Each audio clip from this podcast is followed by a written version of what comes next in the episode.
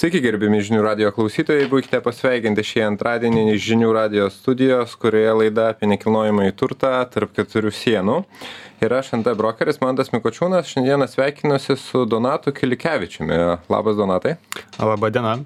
Donatas yra Kobalt asocijuotas teisininkas ir mes šiandien su Donatu kalbėsime tema apie tai, kaip papildomos kliūtis statytojams kova su nt burbulu ir dirbtinis kainos vartotojų auginimas. Tai daug naujų dalykų atsiranda nekilnojamo turto rinkoje, daug naujų teisinių reguliavimų ir klausimas turbūt pirmas, ar tai padės suefektyvint pačią rinką ir, sakykime, į naudą visą tai, nes mintis ir idėja vis dėlto tokia yra, ar tai tik tai išbrangins galutiniam vartotojui pirkimo kainą ir, ir, ir, ir, ir tuom viskas pasibaigs, o liks tik tai kažkokie tai formalumai.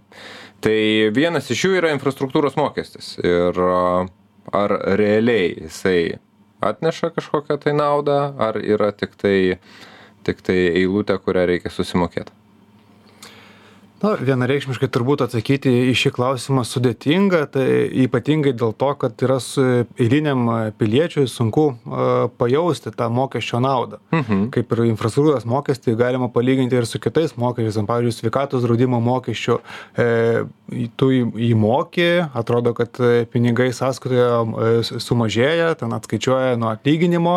Ir jeigu o, poliklinikoj neteko būti kaip ir niekur taip o jeigu nesergi ten ypatingai dar kokio nors sunkesnėm ligom kaip ir taip atrodo tiktai pinigų praradimas. Mhm. Bet e, tai vad sakau, tą tokį pajūtimą pajausti sunku, bet e, iš, iš kitos pusės jau dabar grįžtant prie infrastruktūros mokesčio, tai nebejotina, kad tam tikra a, nauda jo yra.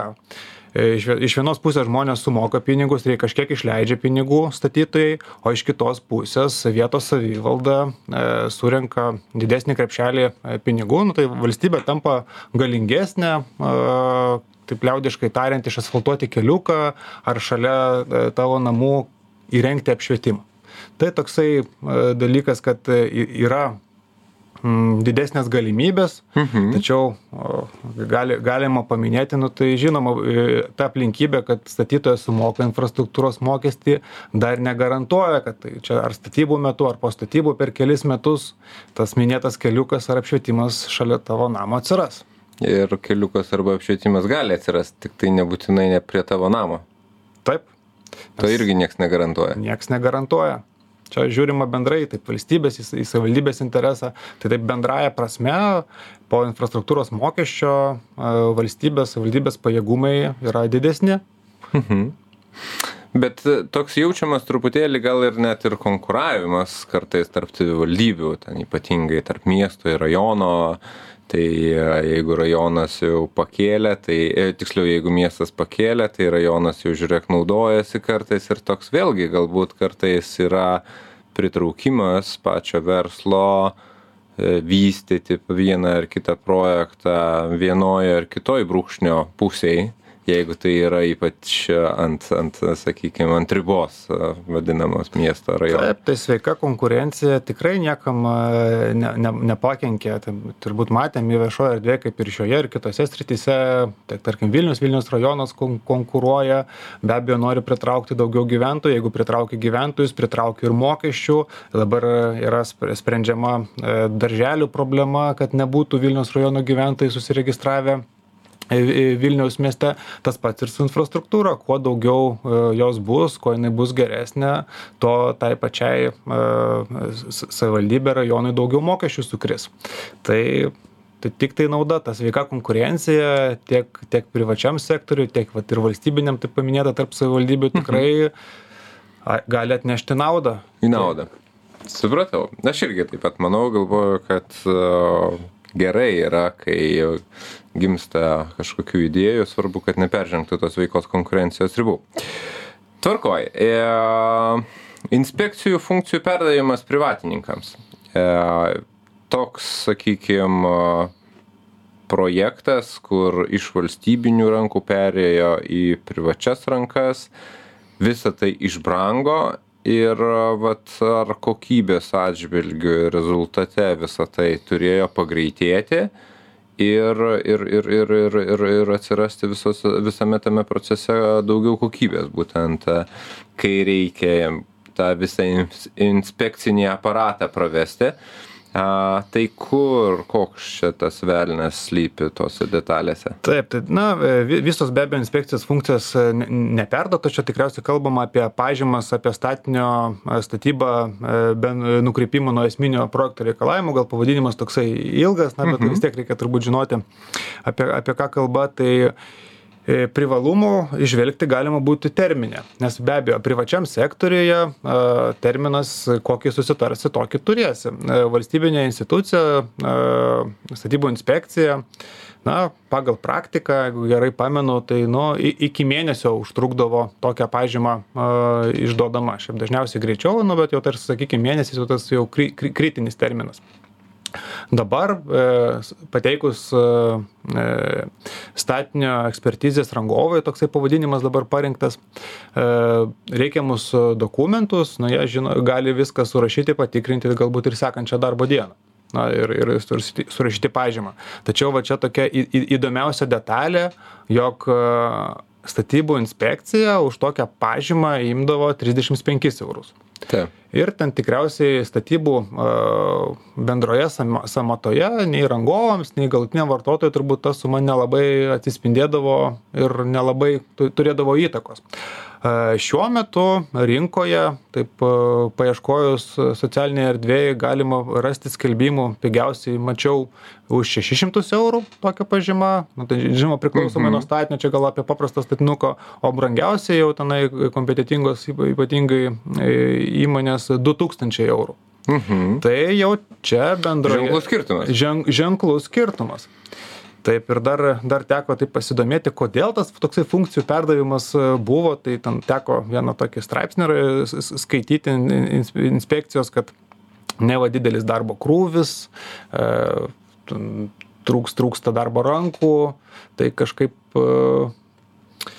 e, Pag, tai pag, pagalvojus, jeigu tą rinkliavą 35 eurų padvigubinus, patrigubinus, tai, tai gal ir tų rankų atsirastų. Gal, gal ir rankų atsirastų. Tai va, o dabar e, valstybė. Gavosi, kad 20 kart padidėjo įkainis, o, o, o, o, nu, bet jeigu vėlgi verslas skaičiuoja ir, ir tai užtrunka tikrai gerokai greičiau, tai laikas turbūt verslui brangiau kainuoja negu negu tie keli šimtai eurų na paprastai verslas būna e, suplanavęs e, jau nebūna statomas pirmas ar antras nekilnojamo turto objektas ir jau yra žinoma kada reikia pasiprašyti kada reikia gauti.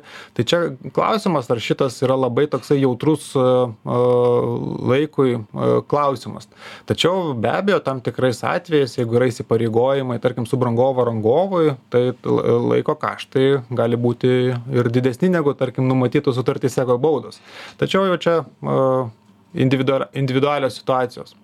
Tačiau paprastam piliečiui žmogui tai tikriausiai tokios didelės vertės kaštai neturėtų laiko. Mhm. Gerai, e, palikim šitą tada klausimą reikim prie kito. Ir objektų baigtumas e, šimtaprocentinis. E, ir jų galimybė parduoti būtent e, tiktai šimtu procentų. Baigtą statinį sukėlė daug daug daug daug atgarsio sakykim šitas įstatymas ir jo įsigaliojimas nuo sausio pirmos ir kiek žinau dar yra nemažai nežinomų detalių. Tikrai taip, priešingai negu prieš tai mūsų aptarti teisės aktų pakeitimai, jisai sulaukia labai daug dėmesio ir e, patraukė e, žurnalistų dėmesį. Apie tai buvo e, rašytas ne vienas, ne du ir ne trys straipsniai, taip pat buvo ir advokatų kontorų įžvalgų ir čia tokia neišsisiminti tema. Esminis dalykas, kas patraukė dėmesį dėl šito procentų baigtumo reikalavimo, tai yra tos situacijos, kai E, taip ūkiškai tariant, žmogus, e, tiksliau, e, statytojas įsi, įsipareigotų įrengti statinį iki nudažytų sienų, iki išklotų plytelių, sukabintų šviestuvų. Na ir, ir viena vertus rangovai taip tikrai nenorėtų to daryti, statytojai jo labiau, o ir patys žmonės, nu, na tai mūsų teisė rinktis, kokias plyteles pasirinkti, kokią spalvą, kokią orkaitę įsidėti. Tai va tas toksai kabliukas, kad čia va, galbūt taip ne iki galo išdirbta ir sukėlė turbūt didžiausių e, diskusijų. E, ir dar, dar vienas momentas, kad statybos yra testinis projektas, nepaisant to, kad jau čia diskutuojama gal pusę metų, tačiau statybos gali būti ir du metus, ir tris metus, ir tam projektavimo dalykai, tai vadinasi, jau liečia ir esamus projektus. Taip. Tai, va, tai vadinasi, šitas klausimas dar negali būti įėjęs ir, ir, ir apsvarstytas. O jau, jau naujiem projektam, tai tikriausiai tai tokios jau milžiniško žiotažo ir nesukeltų, nes statinio projektuotojas, e, jisai ten galėtų numatyti, kas yra laikoma pagal teisės aktų 100 procentų baigtumų. Nes dabartinės įstatymo redakcijos jos nereglamentuoja, kad privalote nu, nu, nudažyti baltai ar geltonai sienas. Mhm. Tai yra tinkamas 100 procentinis baigtumo variantas variantas kaip pavyzdys yra ir paruošimas galutiniam apdailos procesui. Tai yra ten nutinkavimas nugruntavimas ir kad jau atėjęs žmogus ar ar pats ar pasisamdęs rangovą galėtų tuo teptuku užtepti reikiamą spalvą. Tai yra e, bet visa tai turi būti tinkamai aprašyta statinio projekte. Jeigu bus projekte aprašyta kad e, nudažytos sienos vadinasi reikės nudažyti sienas Tai čia toksai. Uh, Bet dar, kaip suprantu, iki šiol dar nėra aiškios tos detalės. Ir, taip, nėra aiškios, yra dar visokių, yra daug pasiūlymų, dalykų, tai čia, žinoma, e, ką dabar apkalbėjome, dar gali ir pasikeisti, nes numatomas prie patvirtinimas e, kitų metų sausio pirmą dieną. Taip. Tai žinoma labai smagu, kad didelis ažiotažas šio teisės akto pasikeitimo na ir turbūt stebėtis ne neverta dėl to nes tai liečia labai daug nekilnojamu turtu besidominčių asmenų tiek potencialius pirkėjus pardavėjus e, statytojus rangovus na tikrai platus spektras asmenų kuriems gali sukelti įtaką toks mhm. teisės aktų pakeitimas. Mm, tai lauksim turbūt rudens sesijos ir bus labai įdomu, kaip, kaip, kaip kokius būtent tos pakeitimus, kaip įsigalios tas statymas, kokie praktiniai bus jo reikalavimai. Bet apskritai kalbant apie visus šios pakeitimus, ar galima teikti, kad tai dar labiau iškels kainą ir dar labiau sumažins pasiūlą, kuri yra šiai dienai rinkoje? Nes tampa vis brangiau ir sunkiau pastatyti kažką na ten e, rinkos ekonomikos dėsniai susideda iš daug aspektų. Tai jeigu iš išskirtume vieną aspektą tai yra teisinį reguliavimą ir tuos teisinio reguliavimo momentus kuriuos čia išskyrėm tai būtų galima daryti drąsią išvadą kad tai brangs. Tačiau kadangi yra ir daug komponentų labai daug didelę įtaką daro pačių pirkėjų paklausa. Ar jie ar jie domisi ar jie perka.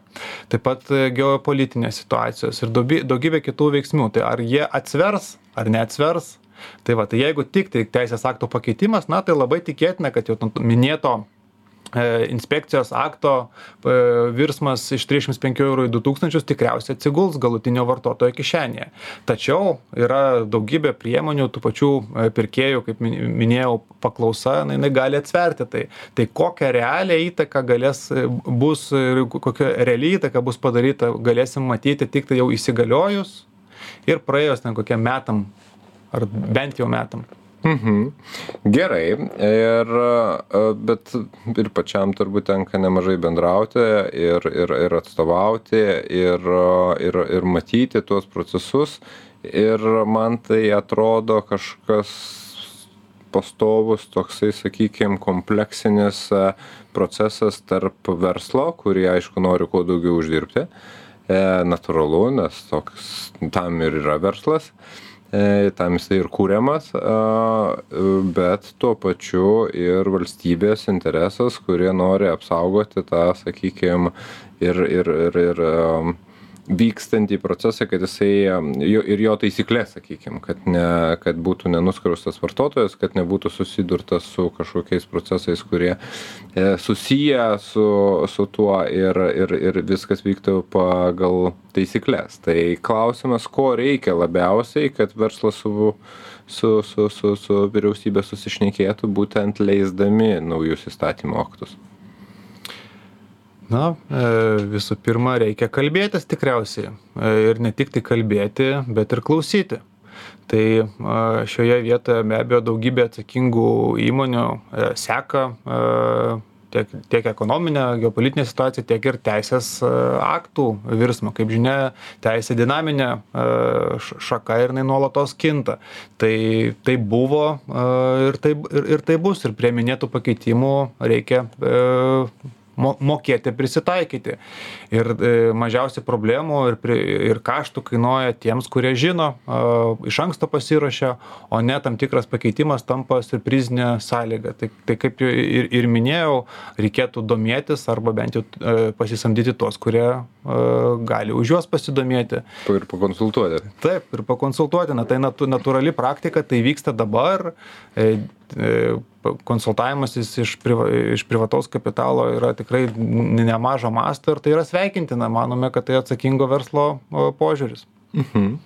Gerai, o jeigu taip pat perinant prie to, kas vyksta, sakykime, Vilniaus mieste, ypatingai žiūrint į statomus projektus ir tenka matyti ir susidurti ir girdėti iš tų pačių vystytojų, kad vieni labai ilgai ir labai sunkiai sekasi derinti projektus ir vis reikalaujama labai daug įvairių dalykų, kad atitiktų architektūrinį vientisumą. Tada galvoji, labai gerai, mes norim turėti gražų veidą ir čia kaip tokį antipavyzdį dažnai daug kas pateikia, kokį netoliese esantį Minską, kur, kur, kur to, sakykime, architektūrinio vientisumo nėra. Bet kitose vietose žiūri, kad dyksta projektai, lyg ir atrodo centrinė gera miesto vieta, bet baltos paprastos dekoratyvinio tinko dėžutės be kažkokio.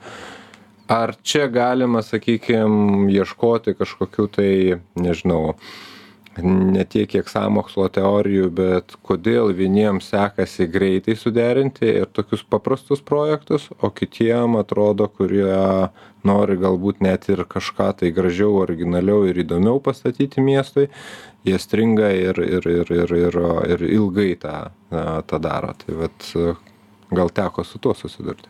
Žinoma, gyvenime pasitaiko tikriausiai įvairiausių atvejų, dabar tikrai apie rezonansinius atvejus nuska, nuskambėjusius visuomenį tikriausiai nekalbame, kalbame apie, apie teisėtus atvejus, teisėtus derinimus. Taip. Ir tada šioje vietoje jau įsijungia ir kompetencijos, ir žinojimas. Tas e, žinojimas, ką daryti, ar pasisamdyti e, ekspertus, konsultantus, tos pačius teisininkus ir iš anksto pasiruošti tam tikrą veiksmų planą labai dažnai sutaupo didelius laiko kaštus. Vienok išleidžiant išlei, išleidžiama pirminėje stadijoje šiek tiek daugiau negu išleidžia tavo konkurentai, tačiau galutinėje stadijoje nebūna nustatomų trūkumų, viskas vyksta sklandžiai ir, ir, ir, ir užsibaigia greičiau. E, be abejo, visais atvejais tiek vieniem, tiek kitiem vystytojam pareigos atitikti teisės aktus iš, išlieka vienodos todėl jeigu tam tikroje zonoje buvo leista baltom plytelėm ar, ar, ar kažkokia kita apdaila apkalti matomai, tai leido teritorijų planavimo dokumento sprendiniai. O kitais atvejais tikėtina to, to nebuvo. E, nebuvo galbūt įpareigojimo e, tokios, tokio apdailos e, metodo daryti. Tačiau vienaip ar, ar, ar kitaip, na, visi privalo teisės aktų laikytis ir teritorijų planavimo dokumentų reikalavimų. Tai čia kažkokio tokio specialaus recepto bendro mhm. visiems, kaip greitai padaryti, turbūt nėra. Reikia analizuoti. Bet ar nėra taip, kad, sakykime, tie, kurie galbūt nežinau ar galima taip išsireikšti. Per gerai nori per gražiai nori kažką tai pastatyti kažką tokio originalaus. Jie jiem jiem jiem labiausiai galbūt užveriamos durys ir ir ir ir ir ir kišami pagaliai o o tie kurie kaip tik priešingai nori tiesiog baltas dėžutes sustatyti jiem uždegama žalia šviesa ir ir ir ir paskui eina žmonės per centrinę miesto dalį ir sako nu tai kaip čia taip dabar? Nu dar pašilaičiuose toks projektas dar galbūt bet va čia vat. Tai ar nėra taip kad nu per per per čia galbūt toks labiau filosofinis klausimas jau ne teisinis klausimas bet ar ar nėra taip kad mes truputėlį per mažai turim tos sakykim per mažai duodam to tokio kūrybinės laisvės vystytojam ir kaip tik juos bandom sukišti į tokius labai nedidelius rėmus kur svarbu kad tik atitiktų kažką minimalaus bet bet ne ne per daug pasireikštų na taip čia vėlgi tokie in in interesų konfliktai taip e, atsiranda kad viena vertus reikalinga laisvė kita vertus yra reikalingi rėmai kad tos laisvės per daug nebūtų. Mhm. tai na jūsų manymu per daug ar ne per daug laisvės mes čia turim vilniuj ir lietuvoje apskritai? E, sunku pasakyti tikriausiai mažesniuose e, miestuose tos laisvės yra daugiau. E, Vilniuje jos, jos yra mažiau, bet ar nepakankamai, tai sunku pasakyti tikriausiai. Ir, ir viešoje erdvėje esam girdėję, ten, kokiu projektu neleido įgyvendinti, bet įgyvendinti buvo kiti. Na, čia e, tik, pa, tik pafilosofuoti galime. Ir, mhm. o, o konkrečiai tikriausiai Vilniaus miesto vyra architektas gal, galėtų detaliau savo viziją paaiškinti. Gerai, pasikviesime į čia pakalbinti ir šituo klausimu. E, matau, kad mūsų laikas jau baigėsi, tai aš noriu padėkoti Donatui Kilikevičiui, Kobalt asocijuotam teisininkui. Ačiū Donatai. Dėkui Jums. Su Donatu šiandien pasikalbėjom apie įvairiausias papildomas kliūtis statytojams, bet tikėkime, kad tos kliūtis virs mažom kliūtim, o nauda bus sukuriama iš to didesnė. O aš mantas mikočiūnas ir laida tarp keturių sienų šiandieną atsisveikinam ir susigirdės susigirdėsim kitą antradienį. Viso geriausio